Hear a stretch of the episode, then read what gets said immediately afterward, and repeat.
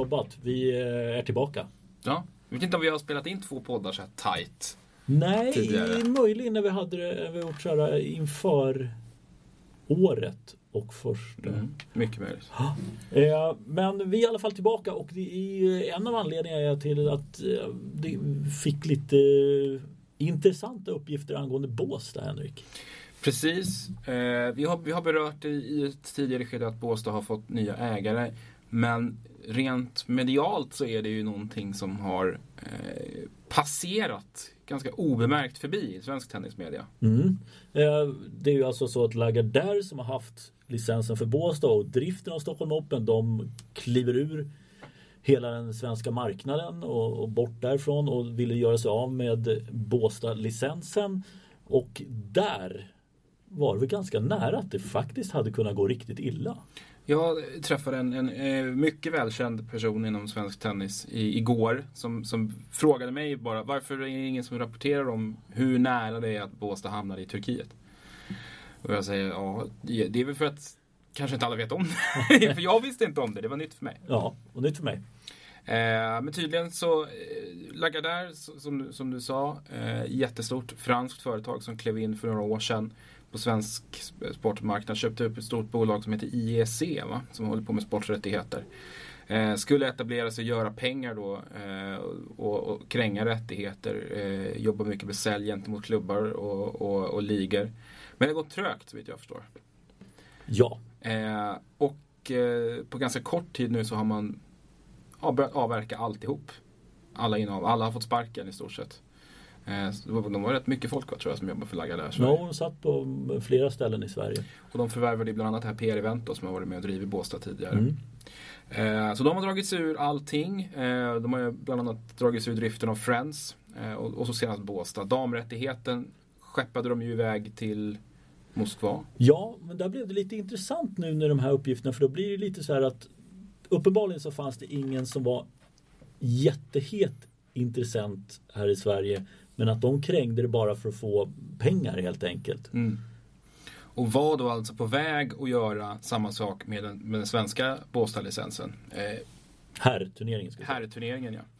Eh, beror bara lite grann på hur man ser det i och för sig. Det kan också, eh, jag har fått indikationer på att det kan ha varit någon form av säljtaktik. Jag pratade nämligen med, med eh, vår kollega Olof Lund som skrev en alldeles utmärkt krönika i Dagens Industri för någon vecka sedan om just Lagardère och hur man har ryckt upp allting med rötterna på svensk marknad.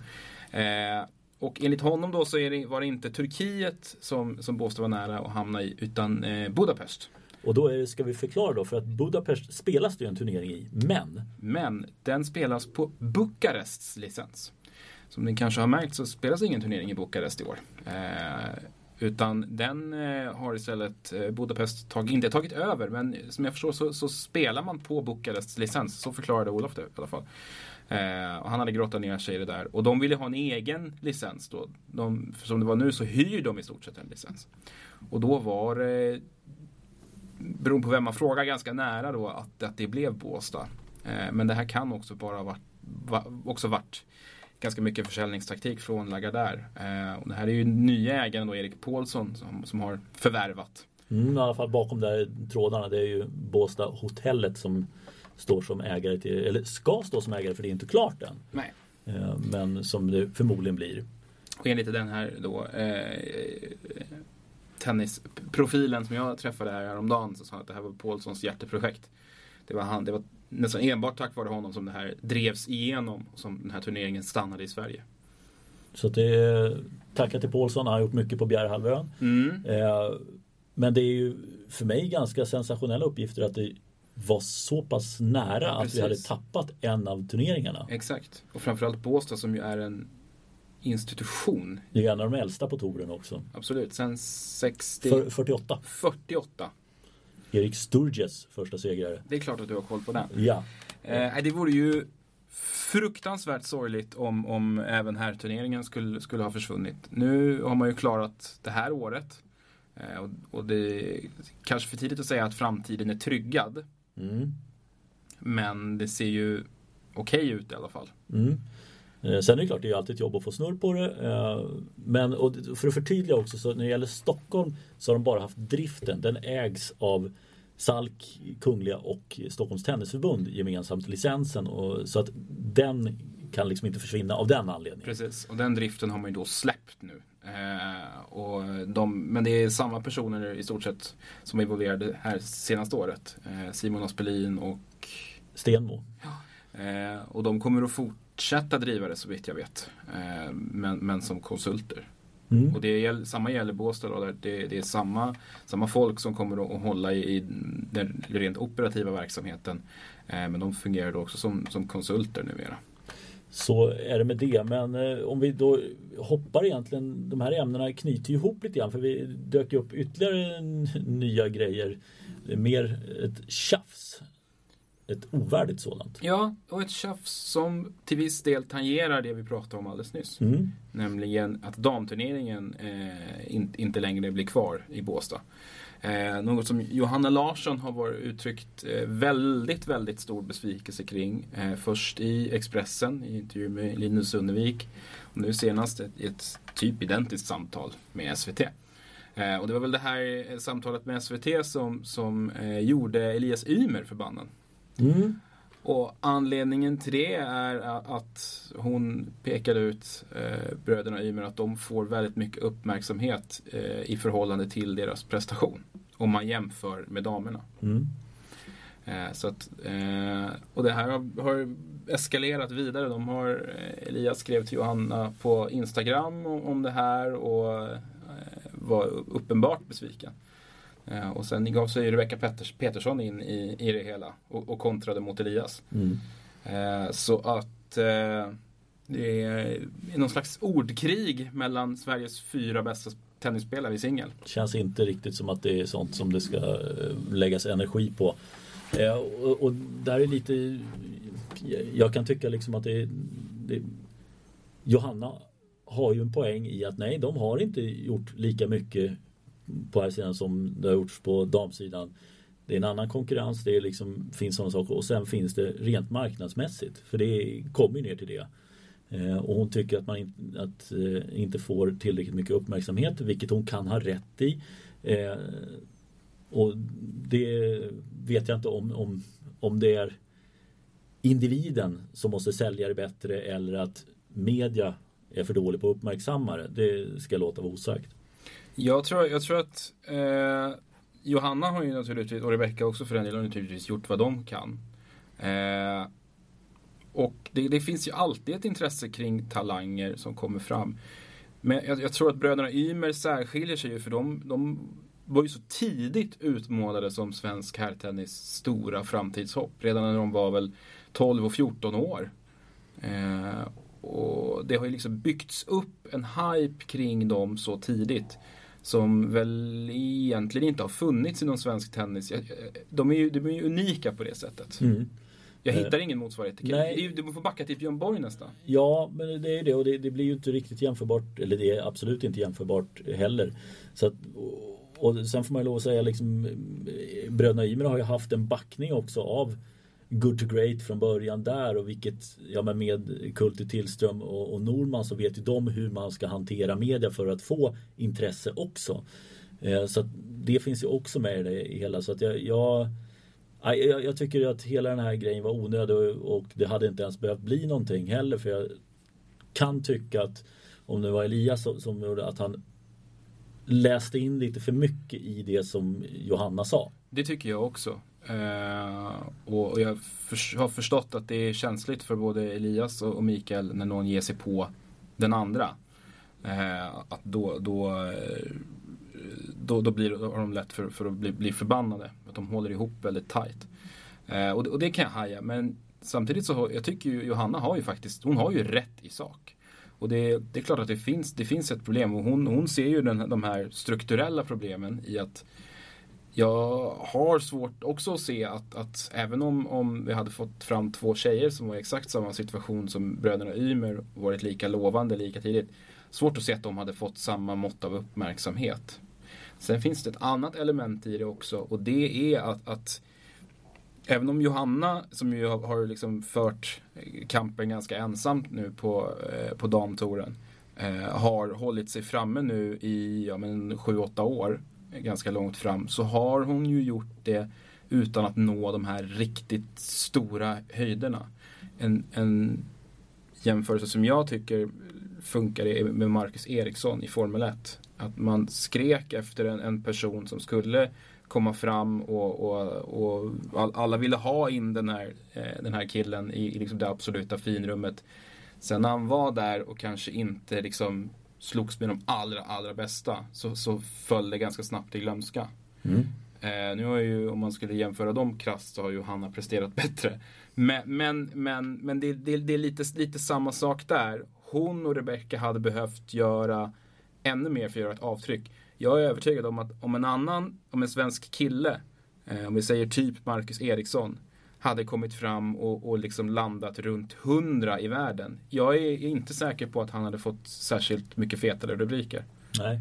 Och därför är bröderna Ymer ett, ett unikt paket och en unik företeelse i svensk tennis. Ja, och vi som har, är tuffa att jämföra med. Ja, men också har vi en historik av, av herrtennis som har varit väldigt bra. Det ska sägas att vi har haft damer som har varit bra också, men inte alls av samma dignitet. Så det är klart att intresset för herrtennis är högre än vad det är för damtennis. Mm. Så är det. Mm.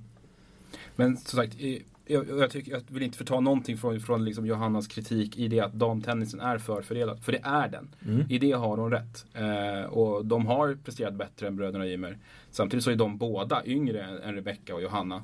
Eh, och, och, det finns liksom fortfarande väldigt mycket stor möjlighet att, att, att de kan komma ännu längre fram i karriären. Och, så den, den jämförelsen är, är tuff. Hon har rätt men, men ändå fel på något, på något mm. sätt. Bra, då har vi jag. satt ett kryss i alla fall. Årets hel, helgardering. Men ja. alltså, som, som med det sagt, jävligt onödig, att det, onödigt att det blir ett tjafs av det här överhuvudtaget. Och att fler och fler ger sig in. För nu har det ju liksom, är det ju hela världen en, en arena. Och alla får ta del av det här. Och det, det är dumt. Jag tycker Tennisförbundet borde sätta ner foten. Gå in och medla. Det får vi se vad som händer. Eh, vi kan väl ta och kolla på lite de här eh, Barcelona, eh, Nadal. Ja, det var ju inget snack om saken. Nu är han uppe i, var det 400 segrar på grus nu också. Han har tre stycken grusspelare framför sig som har vunnit fler matcher. Kan du nämna någon av dem? Eh, Guillermo Vilas. Han är den som har vunnit flest. 659 matcher på grus. Det är helt enastående. Eh... Alltså, jag tror inte Manuel Orantes är den som Jag, jag är ju bekant vid namnet men, mm. men kanske inte hans samlade gärning. Sen en världsetta på 90-talet som eh, försvann, gjorde, no, gjorde försök till comeback här bara för några år sedan. Thomas Muster. Precis. Moster kommer nog Nadal passera 422 matcher. Men det är de tre som har vunnit fler matcher på grus än Nadal. Eh, det var väl ena. Sen såg vi väl i eh, Budapest just eh, att Marco Cecchinato går och vinner. Mm. Intressant att han gör det. Kommer in som, som lucky loser. Sen vinner han samma vecka som jag tror att han blev klerad i någon matchfixing-case också. I Italien. Han har ju varit under, under utredning för det men, men haft någon provisorisk avstängning hängande över sig som han blev av med. Ja, det är ju intressant. Det är några italienska spelare som har varit med i i den typen av verksamhet. Italienska challengers är ju, är ju, är ju lilla julafton för, för matchfixaren. Så, så har det ju varit rent historiskt. Mm. Eh, jag, är för dåligt inläst på, på Cecchinatos fall för för att säga, hur, säga någonting om det. Jag har hört att det, att det fanns en del komprometterande eh, sms fram och tillbaka. Det är klart att det är ingen, ingen rök utan eld en sån grej. Sen är det att leda i bevis en annan sak. Och det tycks ju vara väldigt, väldigt svårt när det gäller eh, bra spelare. Mm, det är lite lättare med de som är längre ner i vegetationen. Det var någon colombiansk kille som jag aldrig hade hört talas om som blev avstängd här nu i tre år. Ja. Att han inte hade samarbetat med, med Tennis Integrity Unit. Nej, och det, då hade man nog rätt mycket på fötterna om man skulle göra det. Plus att han är helt okänd och ingen bryr sig. Exakt. Ja, men du, apropå Lucky Losers här så fick jag upp i, i flödet eh, sju stycken sedan 1990 har lyckats eh, vinna som Lucky Losers och gå hela vägen. Och då tar vi 90 var det Francisco Clavé i Hilversum, Christian Miniussi i Sao Paulo 91. 2008 var det en kille som nu också eh, var debatteras lite grann. Är det att han skulle bli invald i ATP? Är det Stakowski? Ja, som det... spelarrepresentant. Mm, precis. Jag antar att det var eh, du precis som jag läst Carol Bouchards eh, mm. tweets. Eh, hon är ju ofta bra på, på att ta ställning för och emot bra saker.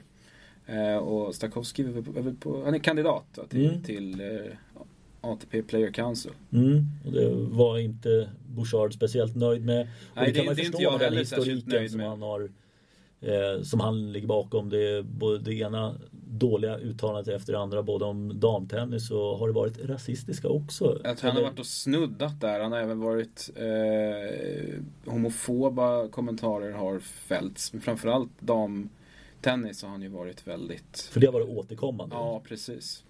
Och det är ju trist för Gilles Simon sitter ju redan i det där rådet. eh, Rajiv Ram vann 2009 i Newport. Sen eh, var det två stycken för, förra året. Rublev i Omag och Leonardo Mayer i Hamburg. Sen då Marco Cecchinato. Eh, vi hade två stycken på 70-talet också. Bill Scanlon kommer du förstås ihåg. Eh, och, sen, och sen en eh, schweizare med svensk koppling. Som även tränar Steffi Graf. Heinz Günthart. Ja, jag känner igen namnet där också. Eh, där har vi de nio som har varit i farten när det gäller eh... Bra spridning där ändå ja. kan jag säga. Vissa blev det ju så att säga folk av. Ja. Men, men... Miniussi kan jag inte påstå att jag har eh, någon koll på överhuvudtaget. Eh, ja, det är väl Roblev där som sticker ut som kan bli riktigt bra. Precis. Hörde du, eh, är det någonting vi behöver säga här om veckans matcher? Ja, Martin Klisan, din, ja, Alltså han är ju i 500 form. Ja. Om vi säger så. Eh, kvartsfinal förra veckan. Mm. Kvartsfinal nu igen. Mm. Eh, ser ju, jag har inte sett honom spela än. Men, men eh, resultatmässigt ser det ju eh, jäkligt bra ut. Det får man säga. Han slog Aske förra veckan. Eh, han har tagit Florian Mayer och Mirza Basic. Eh, på sin väg fram här nu. Du ska säga, Basic, eh, han, han, slapp ju, Basic slog ut Gael Monfils i öppningsrundan. Ja, och vad var det Monfils? Monfils fick alla sina racketar knäckta på flyget i eh, bagagehanteringen. Det är rätt imponerande att knäcka ett gäng ramar. Det, det De inga... var helt av. Han var helt ifrån sig och, och adresserade Lufthansa på Twitter och frågade vad fan de höll på med. Ja, det, det, är ju en bra fråga. Det, för det är imponerande att knäcka ett gäng ramar. Det är rätt bra tyngd som ska på. Ja. Och det, jag tycker synd om den stackars tjejen som satt och, och försökte svara i kundtjänst där. Men eh, finns, kan du köpa nya någonstans? och han försökte väl förklara det att, att, att, ja, jag behöver ju en speciell typ raktar. Så ja. frågade ska du spela nu? Ja, det ska jag göra. Oj, det var ju olyckligt. oh. oh. Ja, då ska vi inte skylla för mycket på Monfils förlust där och i München. Nej, den är, alltså, vi har hackat mycket på Monfils, men här är han verkligen ursäktad. Ja, han är ett offer här. Ja, verkligen. Eh, men det är väl egentligen det vi behöver säga om det här. Och sen så kommer vi inte att spela in något innan Madrid, men väl efter Madrid. Absolut. Eh, och eh, håll till godo med det här lilla extra avsnittet som vi körde.